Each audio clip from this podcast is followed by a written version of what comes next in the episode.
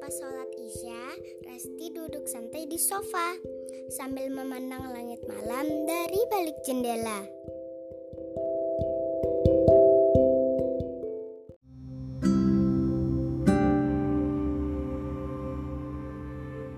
Malam ini langit begitu indah. Terlihat bulan sabit yang bersinar terang dan bintang bertaburan.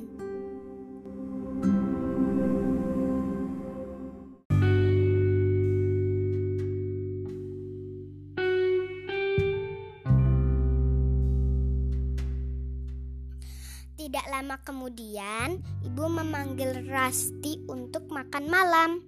Ayah, ibu, dan Rasti makan malam bersama di ruang makan.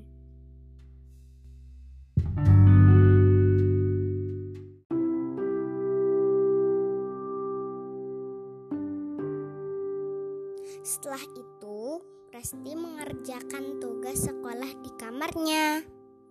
Ia belajar didampingi oleh ayah dan ibunya.